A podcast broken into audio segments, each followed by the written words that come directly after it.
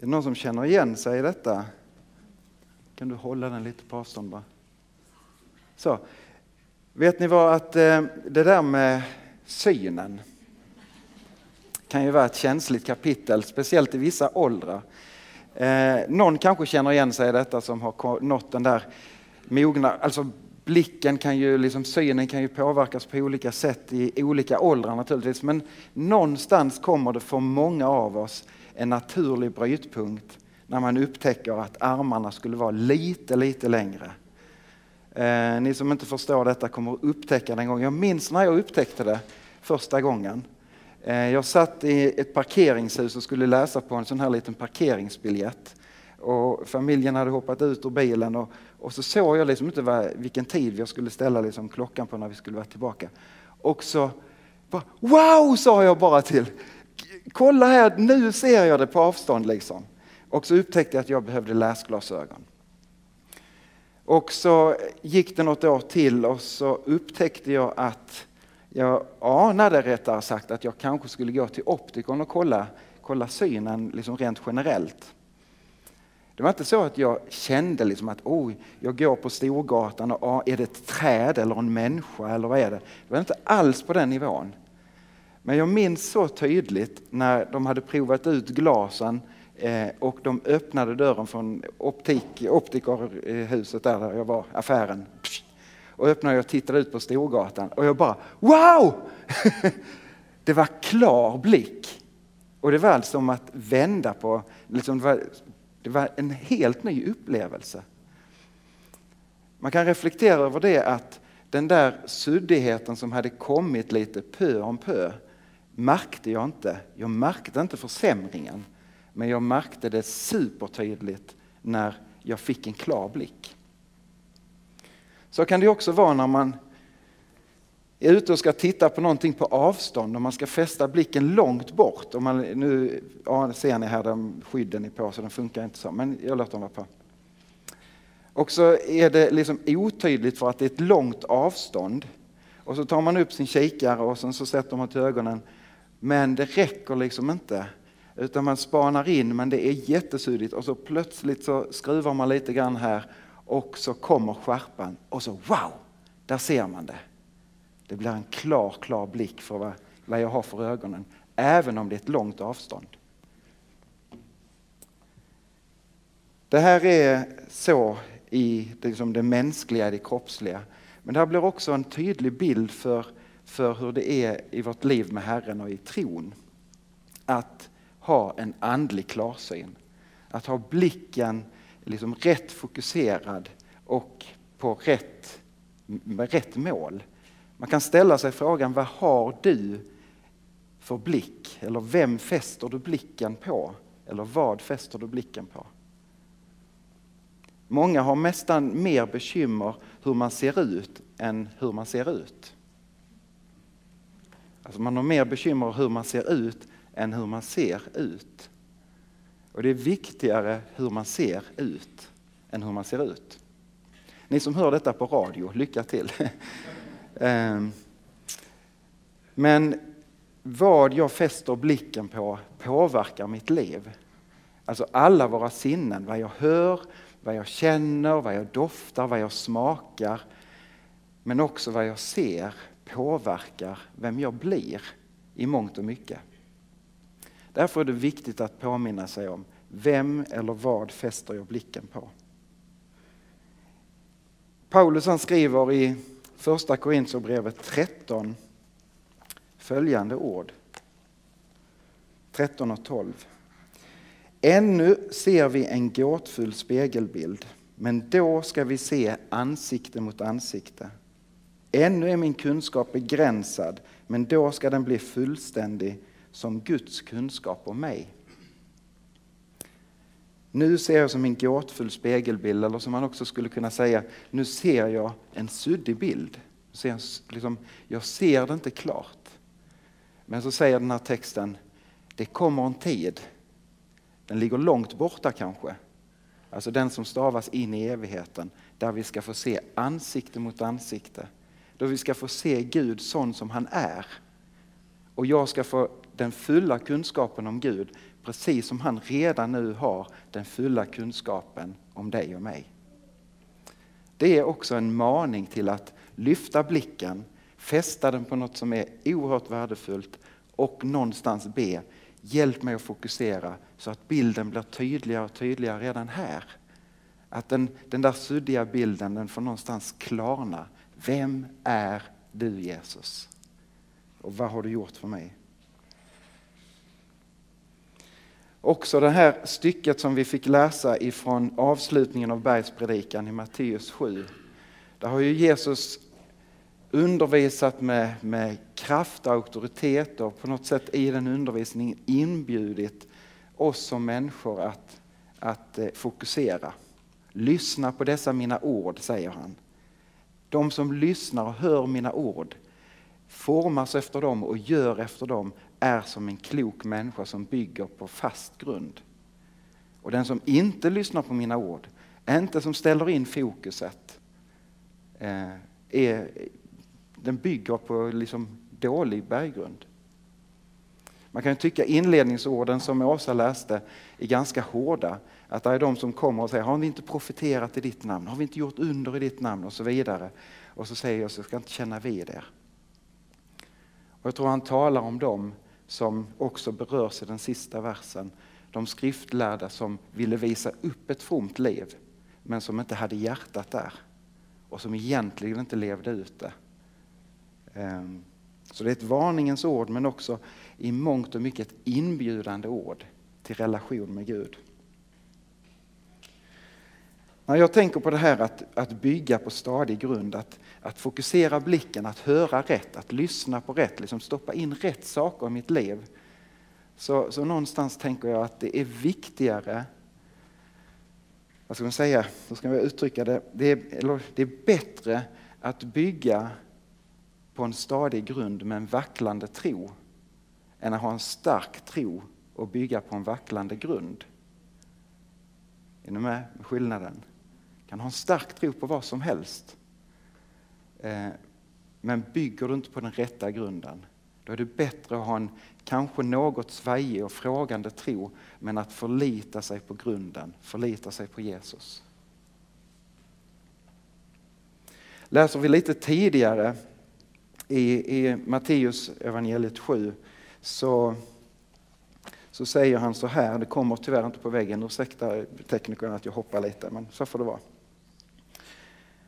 Då säger Jesus så här, akta er för de falska profeterna som kommer till er förklädda till får men i sitt inre är rovlystna vargar. Så säger Jesus att det är falska röster som kommer att försöka påverka er. Det är falska influenser som kommer att försöka påverka er. Det är inte bara ord till lärjungarna då och till människorna då, utan det är ord genom alla tider och högst aktuella i vår tid och i vårt land och vår del av världen. Jag tänker så här att tyvärr har vårt land levt under lång tid, ganska lång tid ändå, under en tydlig sekularisering och nästan som vi skulle kunna tala om en tid av nästan avkristning i landet. Även om vi har fortfarande lagar och, och moral och etik som mycket bygger på Guds, Guds hälsning i, i Mose lag och så vidare. Men ändå så är det någonting av att vi är en del av ett folk och ett land som har liksom tappat greppet om Gud och ställt honom i fokus. Vad gör det? Jag tror att det gör att det blir ett andligt tomrum och en andlig hunger i människor så småningom. Så där man börjar fråga efter, men där är någonting jag saknar. Och så börjar man försöka fylla tomrummet med, med massa olika saker och så märker man kanske så småningom att det materiella räcker inte. Det är någonting som fortsätter att gnaga. Och så kommer det andliga sökandet fram på nytt.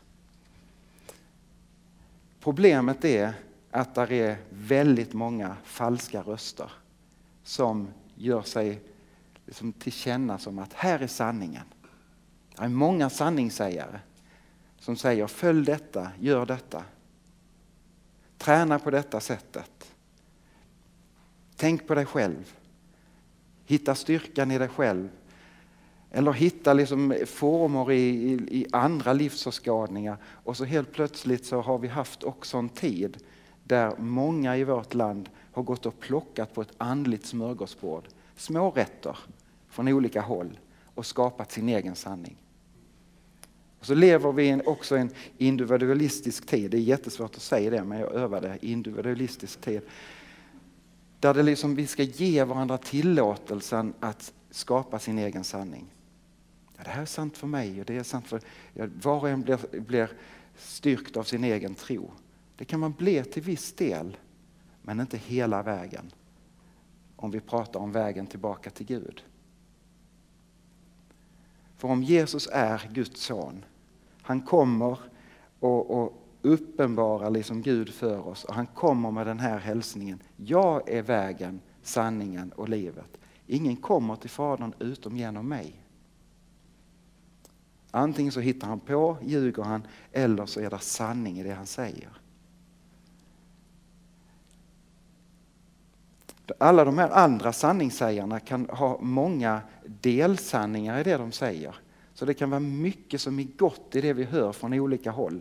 Det kan vara kärleksfulla hälsningar, det kan vara eh, liksom, ta hand om templet, träna på ett bra sätt. Jag, nu, jag, ursäkta men jag tar bara några exempel.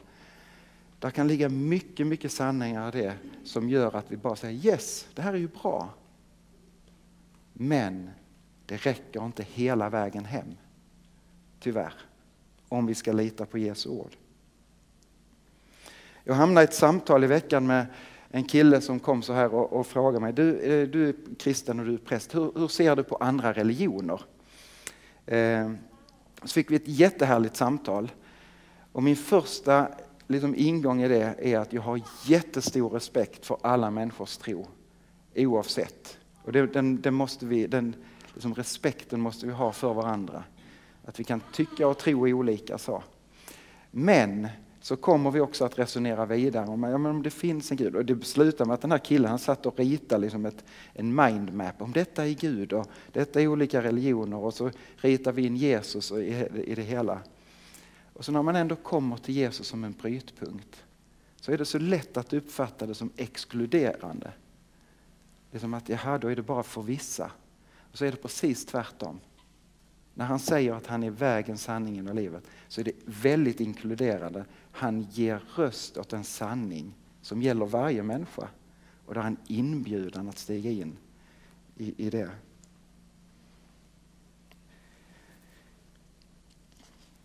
Men se upp för de falska rösterna. Här är vi inte satta ensamma. Vi är ju, har fått eh, varandra till hjälp. Vi har fått Guds egna liksom, liksom inneboende kraft i oss genom den heliga Ande som vill vägleda oss och som vill hjälpa oss.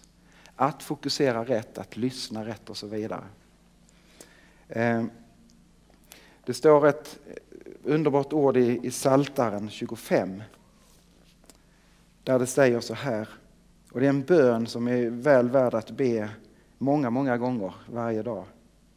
Herre, lär mig dina vägar och visa mig dina stigar. Led mig i din sanning, lär mig du som är min Gud, min räddare. Ständigt hoppas jag på dig. Herre, lär mig här och så kommer den här, lyft blicken, ständigt hoppas jag på dig. Det är ett hopp som sträcker sig längre.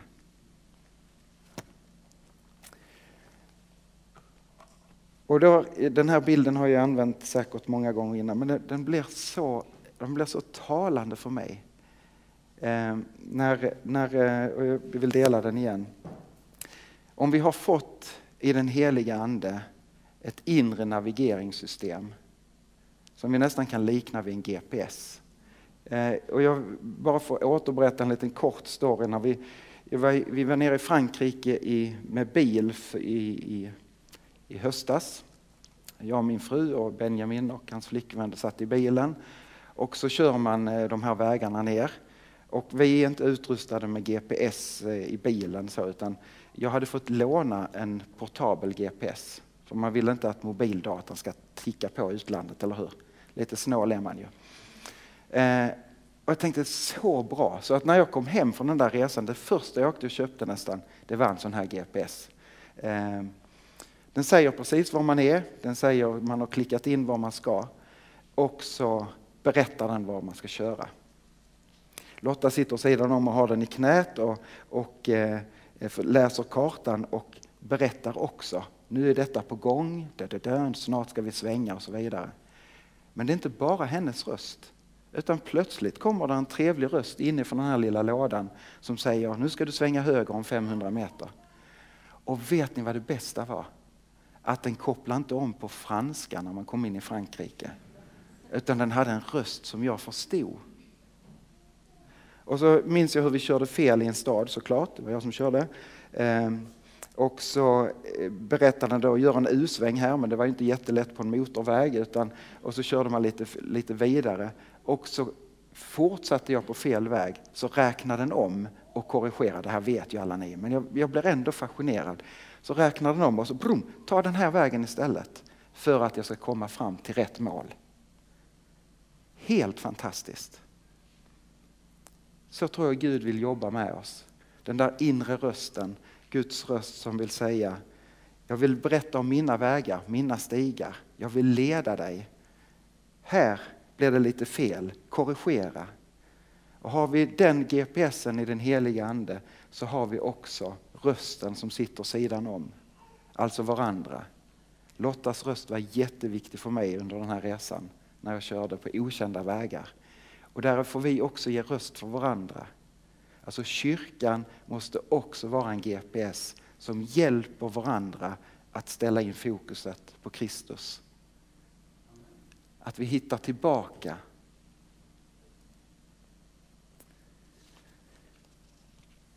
Där är så mycket som kan ställa till det med blicken. Ni vet, eh, om man ska hålla balansen, vad har man för råd då? Jo, lyft, fäst inte blicken här nere utan lyft den och sätt den långt borta. Om du börjar bli åksjuk i en bil eller om du är på sjön och börjar bli sjösjuk så kommer rådet lyft blicken och fäst det på en stadig punkt långt borta. Det funkar inte på mig. Jag blir sjösjuk bara jag ser ett barn gunga. Så att det är liksom, men, men där är ändå ett råd. Fäst blicken på något fast som är långt borta för att du ska få balans och få stadga. Det blir också som en hälsning Fäst blicken på Kristus, fäst blicken också på vart du är på väg, ditt hemland i evigheten, i Guds direkta närhet. Där behöver vi hjälpa varandra och säga du, tappa inte blicken. För rätt vad det är så är det någonting som kommer in och börjar grumla blicken. Vi kan stava det som synd, vi kan stava det som, som dåligt själv, det kan vara så mycket som gör att blicken börjar sänkas. Och så börjar vi höra rösten från den onde nästan.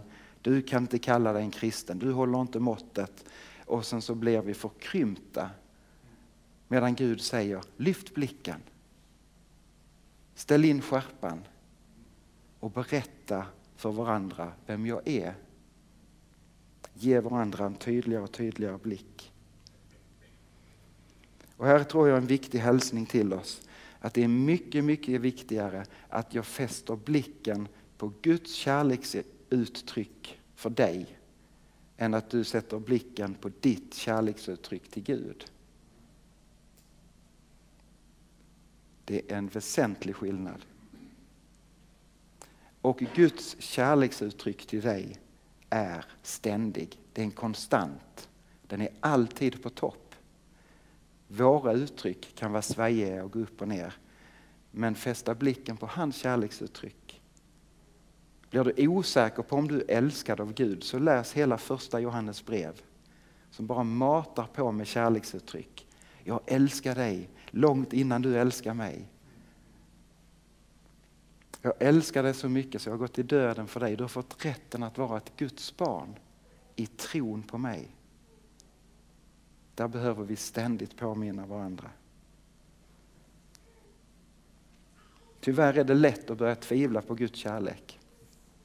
Just när de här grejerna påminner sig om att jag håller inte måttet. Och då är också den gemensamma och den enskilda syndabekännelsen en otrolig befrielse och också ett tillfälle där jag får fästa blicken. Där jag får lägga ner mitt liv, så trasigt och, och vad det nu än är, och så säga Jesus jag vill sätta fokus på, på din vilja att förlåta. På din, jag ska säga, nådefulla inställning gentemot mig. Det är en fast till punkt i tillvaron. Så när vi nu får gå in och fira måltiden där han vill möta dig på ett väldigt, väldigt personligt sätt så får vi inleda det med att stå upp tillsammans och be och bekänna.